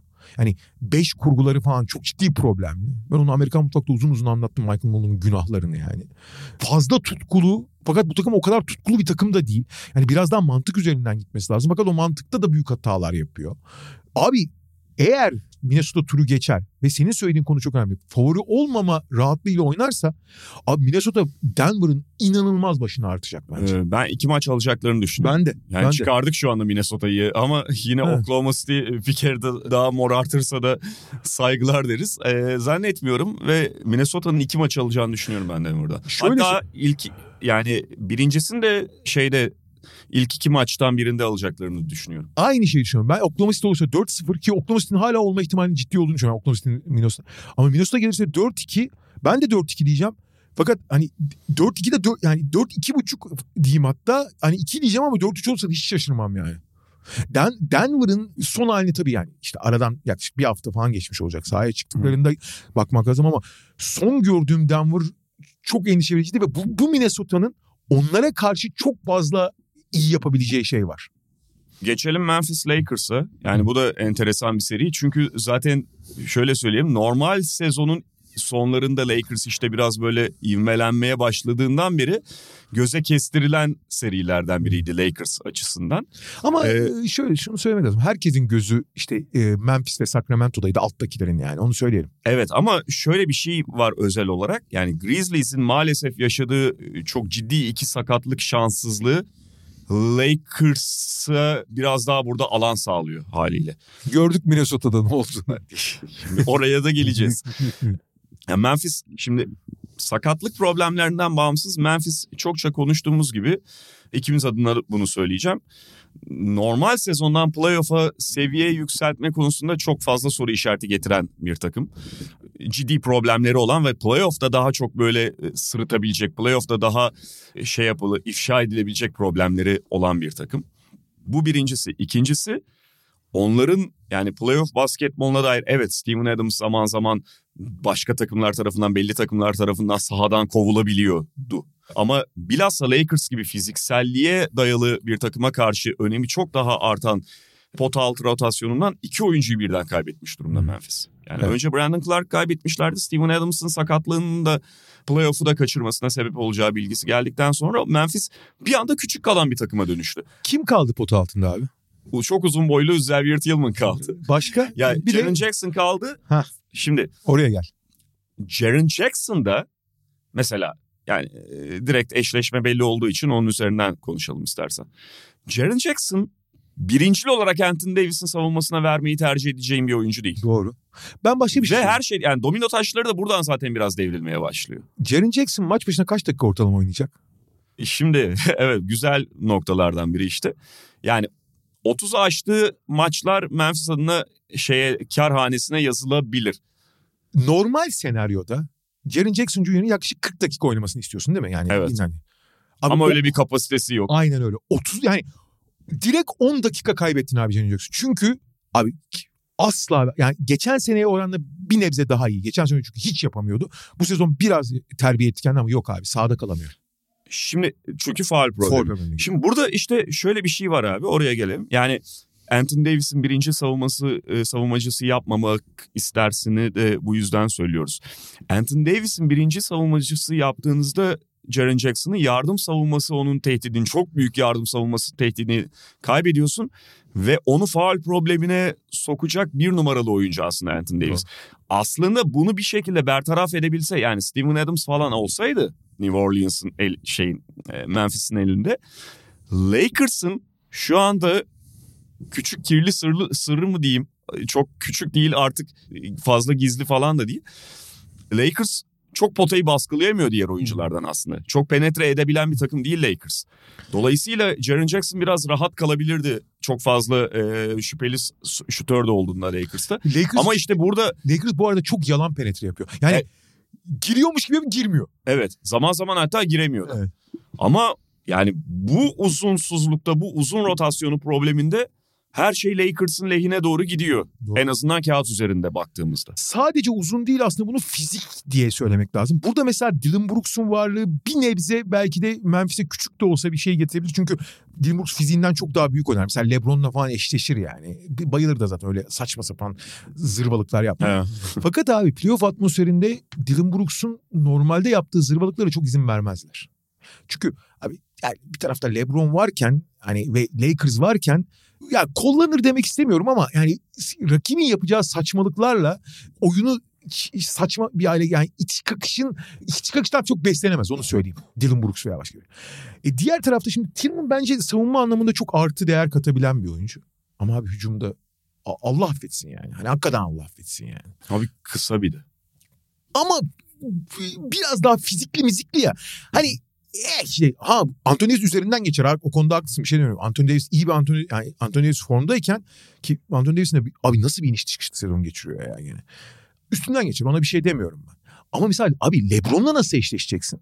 Abi çok büyük ihtimalle Le- Dylan Brooks eşleşecek değil mi? Yani başka bir Hı. alternatif yok gibi görüyorum ben şu anda. Burada mesela Darvin Ham'in şeyde yaptığı hatayı yapmaması lazım bu arada Min- Minnesota maçında.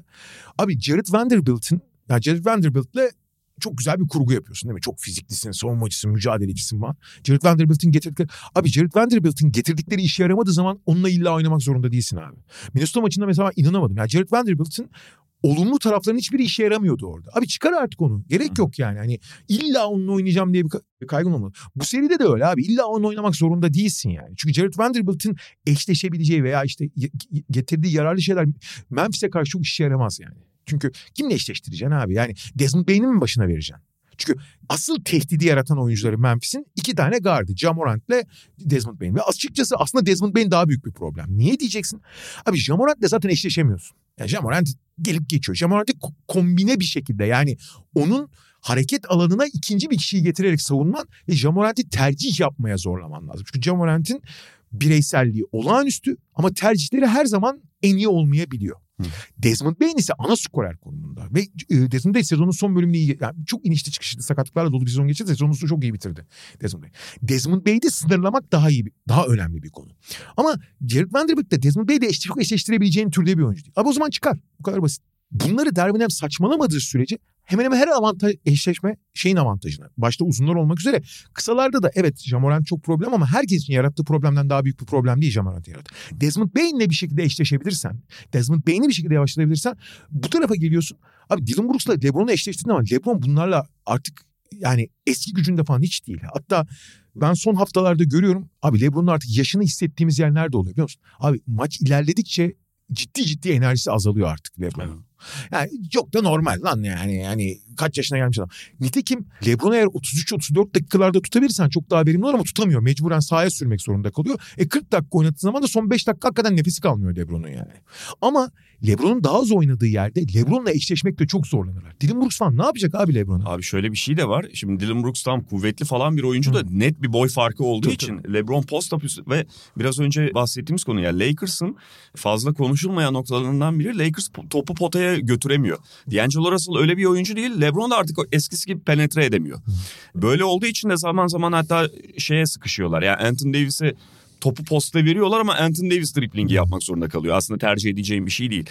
Fakat Dylan Brooks sürekli eşleşmesi olursa LeBron'un ha, habire post top oynayacak LeBron. Ve post üzerinden o zaman LeBron üretiyor. Yani Lakers'ın da aslında oyunu bir şeye oturuyor. Ve LeBron oradan iyi bitirebildiği gibi oradan çok güzel oyunu da kuruyor. Evet, abi. evet. Yani po- topu potaya başka bir yöntemle Ve- yavaş yavaş götürüyor o zaman Le- Lakers. Le- LeBron'un en büyük hani sorun demeyelim de şu anda uğraşmak zorunda olduğu enerji tasarrufu konusunda da çok iyi oluyor. Post-up yaptığı zaman çok e, enerjisini çok daha tasarruf oyun kullanabiliyor. yavaşlıyor Tabii, aynı tabii. zamanda. Yani bu tip şeyler var hep.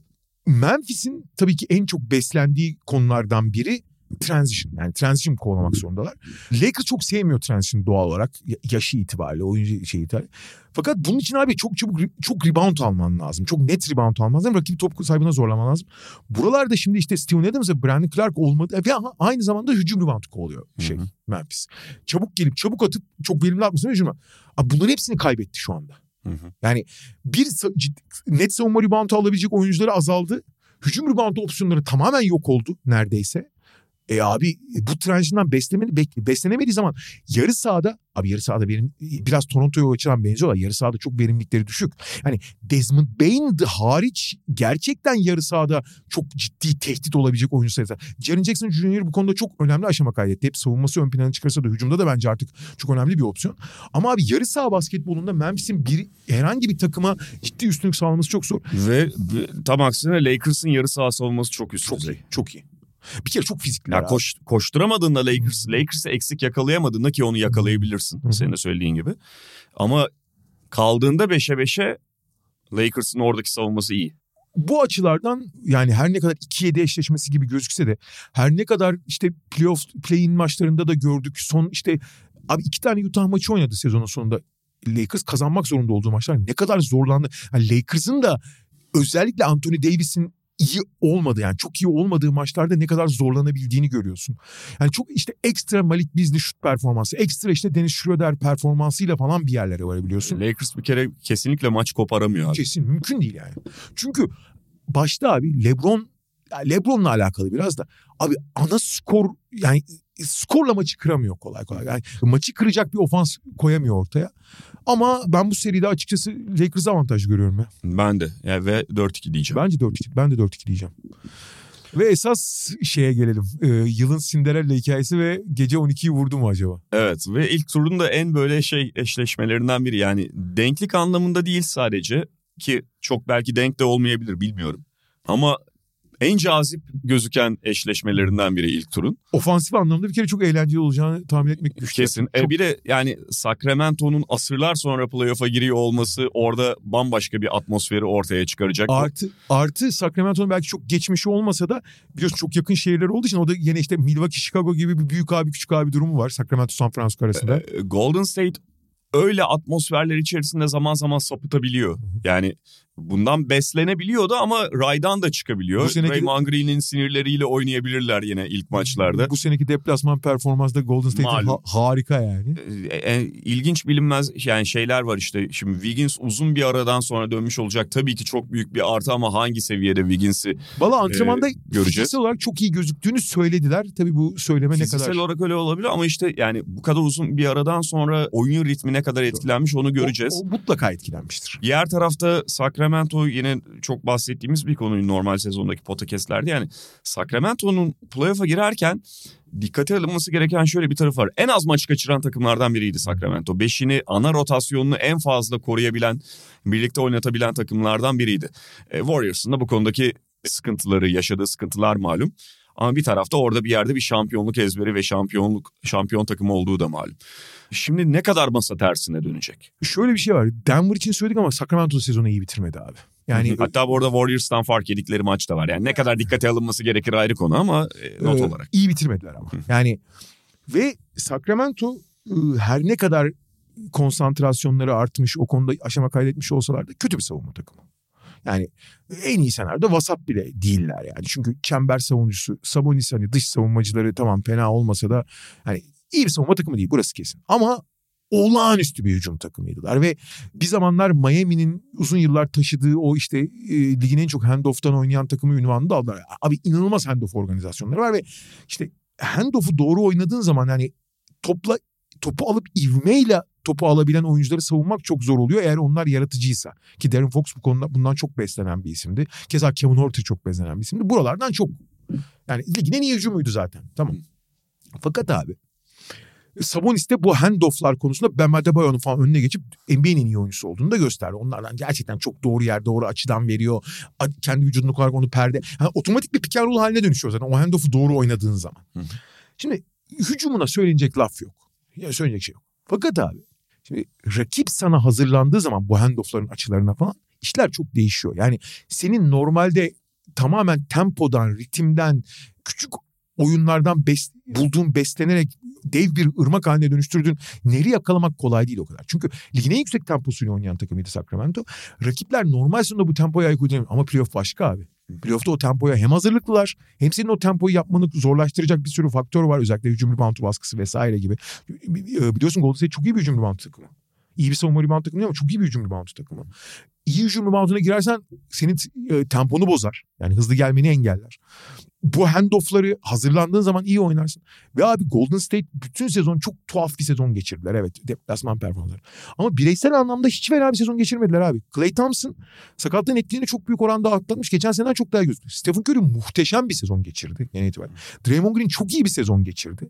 Kevin Looney vasattı. Jordan Poole çok kötü başladı. O da sezon sonunda en azından kendini buldu diyelim. Dante DiVincenzo iyi bir sezon geçirdi. Abi bireysel anlamda yani takım olarak kötü. Ulan ne hangi parçası kötü diyorsun? Hiçbir parçası neredeyse çok kötü değildi bireysel anlam. E Jonathan Kuminga sezonun son bölümü itibariyle rotasyonun bir parçası olup çok da ciddi katkı verdi. Abi insanlar mesela şeyi unutuyorlar. Golden State geçen sene şampiyon. Golden State geçen sene playoff'a girerken de acayip tökezleyerek girmişti. Hı hı. Stephen Curry sakattı. Sakatlıktan önce de felaket şutu. İki buçuk ay çok kötü felaket şut evet, atmıştı. Evet. Döndü. A- acayip büyük bir playoff içindeki ivmeyle Golden State yükseldi. Abi şimdi gene benzer bir çıkış var. Herkes sağlığına kavuştu. Bir arada daha iyi oynadılar son bir iki hafta. Hı hı. Bütün sezon beklenip oynamadıkları için şey abi çok daha iyi gözüküyor ve açıkçası sen biraz evvel söyledin. Abi şimdi buralarda ya Sacramento'daki atmosfer inanılmaz olacak. Ona hiçbir şey söyleyeyim. Fakat abi hücumdan beslenen, çabuk oynayan ve hücumla coşan bir takımın aynı hücumu aynı ritimde bulamadığı zaman çok ciddi tökezleyebilme, bireysel yaratıcılık konusunda da baktığın zaman abi işte Darren Fox falan bile tamam dirsekten var ama çok yaratıcı bir takım da değil o kadar şey. Tamam Sabonis çok ekstra bir oyuncu olabilir. Ama yani dribbling üzerinden yaratma konusunda en elit takımlardan biri değil Sacramento. Ligin en iyi hücumu gibi gözükmüyor. Onların tökezlediği yerde alternatif bulmaları çok zor olacak. Yani Malik Monk'ların falan çok ekstra işler yapması gerekecek kenardan gelip yani. Bütün bu senaryolarda ve özellikle baskı altında baskı altında hücum daha kötü etkilenir biliyorsun. Hı hı. Ee, bu Sacramento'nun e, bu baskının altından kalkmasının çok kolay olmadığı senaryolar e, karşımıza gelecek yani. Ben 5 maçta Golden State diyorum. Bir de Sacramento'yu gidip yenecekler diyorsun. Orada. Evet evet. Valla ben de Bu arada Draymond Green haklı bir yaklaşımda bulunmuştu evet, biliyorsun. Ya ben Sacramento'yu istiyorum. Kö- kötü takım olduklarından değil yanlış anlaşılmasın. Otobüsle gider geliriz işte dedi. bir saat 10 dakika mıymış ne? Valla ben de benzer şey yapıyorum. Bir kez mesela şey de çok önemli. Abi Stephen Curry'yle nasıl eşleşecekler ya? Yani nasıl eşleşecek? Yani Darren Fox mu? Tamam Darren Fox teorik olarak eşleşebilir. Ama Darren Fox çok yıpratırsın abi Stephen Curry'in peşinde koşmaya kalkarsa yani. Stephen Curry çünkü kendisini savunan adamın canını okuyor hücumda koşa koşa yani. Abi Sabonis'i dışarı zorlayan, dışarı gelmeye zorlayan her takım ki Golden State bunun şeylerinden yani en üst düzey örneklerinden biri. Kings'e büyük bela olur. Abi buna kontra argüman şöyle. Abi dışarı çekmesen de Smolic içeride kaldığında da çok bir şey fark ettirmiyor zaten yani. Hayır, şimdi e, e, isterse kalsın görürüm ben o zaman Hı-hı. işte. Onu Hayır ka- ka- yani çembere gittiğinde de bir şey yapmıyor zaten Smolic. Ama abi Golden State bir de zaten Golden State iyi olduğu zaman şampiyonluk adaylarından biri olduğu ortada. Son şampiyon zaten. Abi bireysel anlamda iyi takım halinde de çok daha iyiye gidiyorlar şu anda. Ee, Sacramento'nun Cinderella hikayesinde 12'yi çaldı. Ee, ben de 4-1 diyeceğim ya. Ben de 4-1 diyeceğim. Sacramento'nun e, yani koçu da Golden State'i çok iyi bilen bir koç ama ya eldeki malzeme ne hani o iyi tanıma halinin bir durdurma uygulamasına geçmesine biraz engel. Valla hadi ben 4-2 diyeyim de hani yine Golden şey San Francisco'da bitsin çünkü Moral olsun bir Sacramento. hem moral hem moralden çok abi Golden State'in de yani gerçekten yani nasıl saçmalıyorsunuz bu kadar? Hala o nasıl bu kadar saçmalayabilirsiniz halinden çok çıktığından emin değilim yani. Ee, bir maçı Sacramento olur bir maçı da Golden State hediye eder diyorum. O yüzden 4-2 diyorum yani. Peki buradan son olarak da yine çok enteresan bir diğer eşleşmeye geçelim. Phoenix Clippers. Onlar da normal sezonun son gününde karşı karşıya gelmişlerdi. Clippers kazandı. Phoenix, Phoenix C takımına karşı. E, evet ve Phoenix'in rakibi oldu. Yani bununla ilgili çok şey vardı işte Phoenix e, bir rakip seçecek mi? Rakip seçmesi haline Clippers mı Warriors mı tercih eder falan.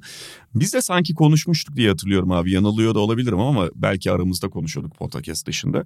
Yani Clippers'la Warriors arasında Phoenix'in eğer tercihte bulunduysa ki o günde hani oyuncuların oynatmaması itibariyle buna bir şeyleri olduğu söylenebilir. Clippers'ı ilk turda karşısına seçmesi, tercih etmesi çok anlaşılır. Tabii canım. Hele hele Paul George'un da sakatlığı düşünüldüğünde. Biraz evvel Golden State'in yani, yani son şampiyonu ve iyi durumda ondan bahsediyorum. Ve abi Clippers'ı yani Paul George'un sakatlığı ki ben Paul George'un bu seride oynayacağını hiç zannetmiyorum. Ki gelen şu ana kadar... Ya haberler şöyle bir ihtimal bırakıyor ama ilk maçlarda olmayacağı da ortada. Yani seri, dönerse serinin ortalarında bir yerde dönecek gibi. 1'e 0 idmana başladı deniyor ama şöyle bir şey var abi. Şimdi Julius Randle için söyledik ya. Julius Randle iyi olduğu anda sahaya çıkabilir. Paul George'un sakatlığı hani abi iyisin deyip de öyle sahaya çıkabilecek gibi değil. Yani çok çok kötü. Bir kere zaten o sakat yani sakatlığı pozisyonu görenler takdir edecektir. Allah korudu yani. Yani, yani hakikaten bir sezon oynamazdı. Çok ucuz kurtuldu ama ben ondan kolay kolay hani tak diye dönebileceğini ben öyle düşünüyorum en azından. Fakat önemli olan şu abi. Şimdi Phoenix de ritmini bulabilmiş değil. Çünkü zaten Durant döndü tekrar sakatlandı falan.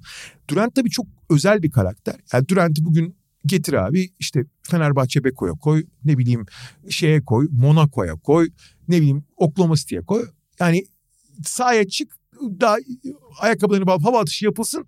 Hayır bayağıdır burada oynuyor der. Yani hiçbir takıma uyum sağlamakta zorluk çekmez. Yani her yapıya uyar. Hı hı. Başrolde oynar, yan rolde oynar. Yani hiç problem olmaz. Öyle bir oyuncu yani. yani oyun stili öyle. Çünkü bu kadar üst düzey oyuncular ne olursa olsun geldiklerinde oyundaki dengeleri değiştirirler. Çünkü topun gittiği yer değişiyor her şeyden önce. Durant öyle değil abi. Durant başka bir şey yani. Yani çünkü oyun ne itibariyle her yapıya uyuyor. Yani bitirici rolde de oynayabiliyor, tamamlayıcı rolde de oynayabiliyor. Egosu itibariyle hiç öne çıkmayı seven yani öyle bir kaygı duyan bir oyuncu değil. Savunma konsantrasyonu yüksek, üst düzey savunmacı haline dönüştü kariyerin ikinci yarısında falan. Yani mükemmel, sorun yok yani. Bir ki nitekim sahada kısıtlı sürede gördüğümüzde Chris Paul'un de Devin Booker'ın da ne kadar rahatladığını Kevin Durant'in varlığıyla gördük. Diğer tarafta Clippers ise sezon boyunca bir sürü ritim var. Son dönemde özellikle Norman Powell'ın ikinci skorer olarak ön plana çıkmasıyla işte guard rotasyonunu tamamen değiştirdikten sonra Russell Westbrook'un deliciliğini kullanıp işte ondan işte Kawhi Leonard ana skorer ki Kawhi Leonard sezonun ilk bir ayından sonra muazzam bir sezon geçirdi. Yani bir denge buldu. Yani o 50 tane kanadımız var. Bu işte Oklahoma City'nin başka bir türevi ya da işte Brooklyn'in başka bir türevi pardon Brooklyn'in başka bir türevinden çıkıp hani 50 tane kanadımız var. 5 dışarıda oynayacağızdan vazgeçtiler. O biraz Marcus Morris'in formsuzluğuyla alakalı. Daha klasik bir takım olarak oynuyorlar. Biraz Toronto ile Gold Clippers'ın değişimi bence sezon çok önemli. Yani onların 5 dışarıdan vazgeçip klasik 5 numaralarla oynamaya başlamış olması genel itibariyle. Maçın içinde değişebilir bu ama hı hı. ana planı değiştirmesi bence biraz basketbolun gidişatıyla da alakalı. Daha dengeli bir takım oldu Clippers. Hı hı. İşte ana skorerleri belli, ana yıldızları belli. Daha standart bir takıma dönüştü.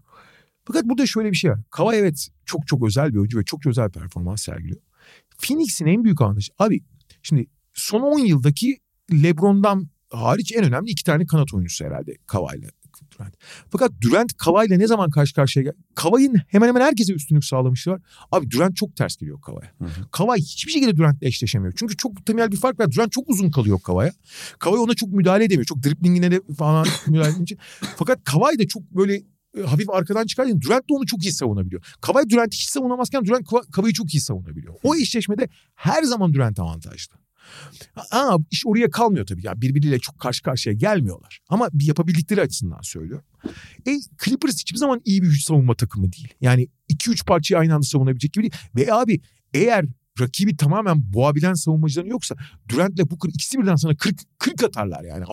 Ne yapacağını bilemezsin yani. İşte mesela Paul George'un sakatlığı orada bir, hani e, hücumda getirdiklerinin yanında Booker'ın başında duramayacak olması itibariyle de çok önemli. Aynen öyle. Ve diğer tarafta da Chris Paul çok bahsettik artık tabii ki skor tehdidi biraz daha düşük bir oyuncu ama Chris Paul da sürekli bir aksiyon başlatacak.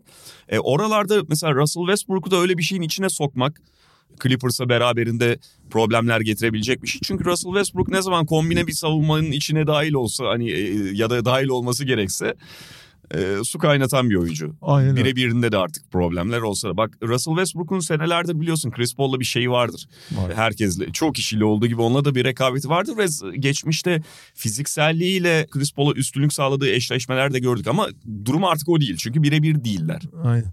Ve yani Westbrook her ne kadar Clippers kariyeri fena olmasa da ya eski gücünden falan çok uzak. Ve yani Clippers'a baktığın zaman şimdi Luke Kennard falan da ayrıldıktan sonra abi Kawhi dışında net bitiricisi de yok fazla. İşte Zubac fena bir, sö- bir sezon geçirmiyor. Hani en azından o pozisyondan. Şey- Abi Norman Powell devreye girmeseydi abi Clippers'ın da yani her hücumu bir maceraya dönüşüyordu. Kavay'ın kullanmadığı her hücum. O yüzden her topu Kavay'a vermek zorunda. Şimdi Kavay da öyle bir oyuncu ki takım bir şeyler yapıp bir şeyler üretsin. Kavay çok ekstra başka şeyler üretsin. Şimdi takımın genel üretimi baya baya Norman Powell'ın eline kalmış durumda ki Norman Powell da biliyorsun çok dikine oynamayı sever ama yani aksiyonun bitirici noktasındadır. Hiç aksiyonun içine dahil olmaz. Bitirici nokta.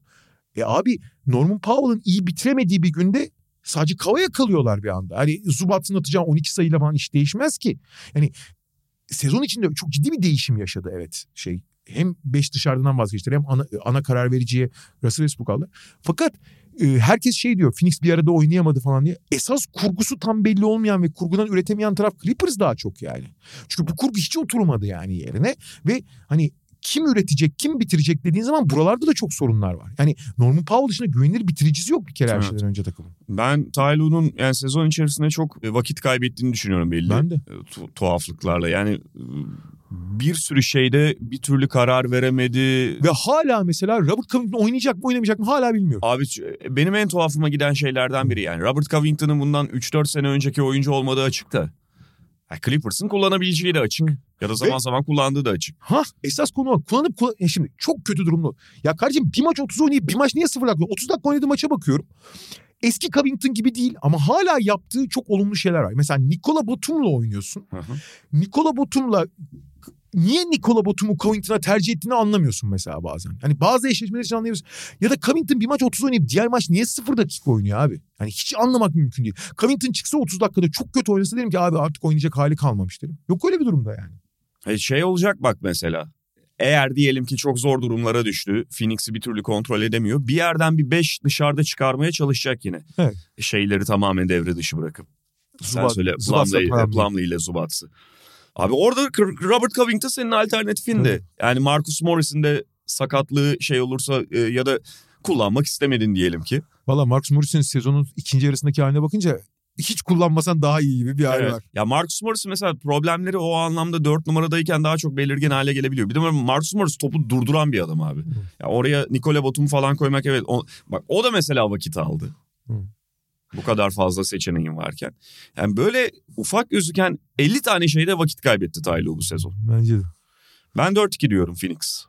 Ben de 4-1 diyorum ya. Ben Clippers'ı hiç şey yapmıyorum yani. Prim vermiyorum fazla. Yani benim geçen seneden beri verdiğim çok şey bir prim olduğu için zaten hani yavaş yavaş onu artık krediyi geriye alıyoruz da e, yine bir iki maç verdim. İyi hadi bakalım. Bakalım. Evet. Büyük kısmında yanılacağımız tahminlerimizi bugünlük Yalnız böylelikle yapmış Lakers, olduk. Lakers Golden State eşleşmesi öyle bir rating alır ki NBA yönetiminin de onu hafiften ittirme ihtimali var yani. Evet, ben televizyoncu kimliğimizle burada susalım diyorum. Evet. Biz de bir yerinden buna dahiliz Sen ama... televizyoncu musun yoksa tarafını seç oğlum. Lakers'ın abi. neferi misin? Abi ben sinirlendim Minnesota maçında. Ne oldu? Sen, abi seni kulüpten uzaklaştırdıklarından beri sen böyle bayağı Hayır, tepkili oldun. abi, salaklıkla maç kazanacaksan hiç kazanma. Bak, Efendi gibi maç kazan. Yani, geri zekalılıkla kazanılacak maçı istemiyoruz biz. Esnaf öyle demiyor. daha az geri zekalı ya da rakip daha fazla geri zekalılık yaptı diye kazanılacak maçı biz istemiyoruz. Ama Golden State Lakers eşleşmesine NBA'in çok ihtiyacı var yani. Var var var. Evet Media Markt'ın sun e, podcast'te bugünlük ki uzun da bir bölüm oldu. E, bu kadar diyoruz. Haftaya tekrar görüşmek üzere. Hoşçakalın. Hoşçakalın. Mediamarkt Podcast'i sundu.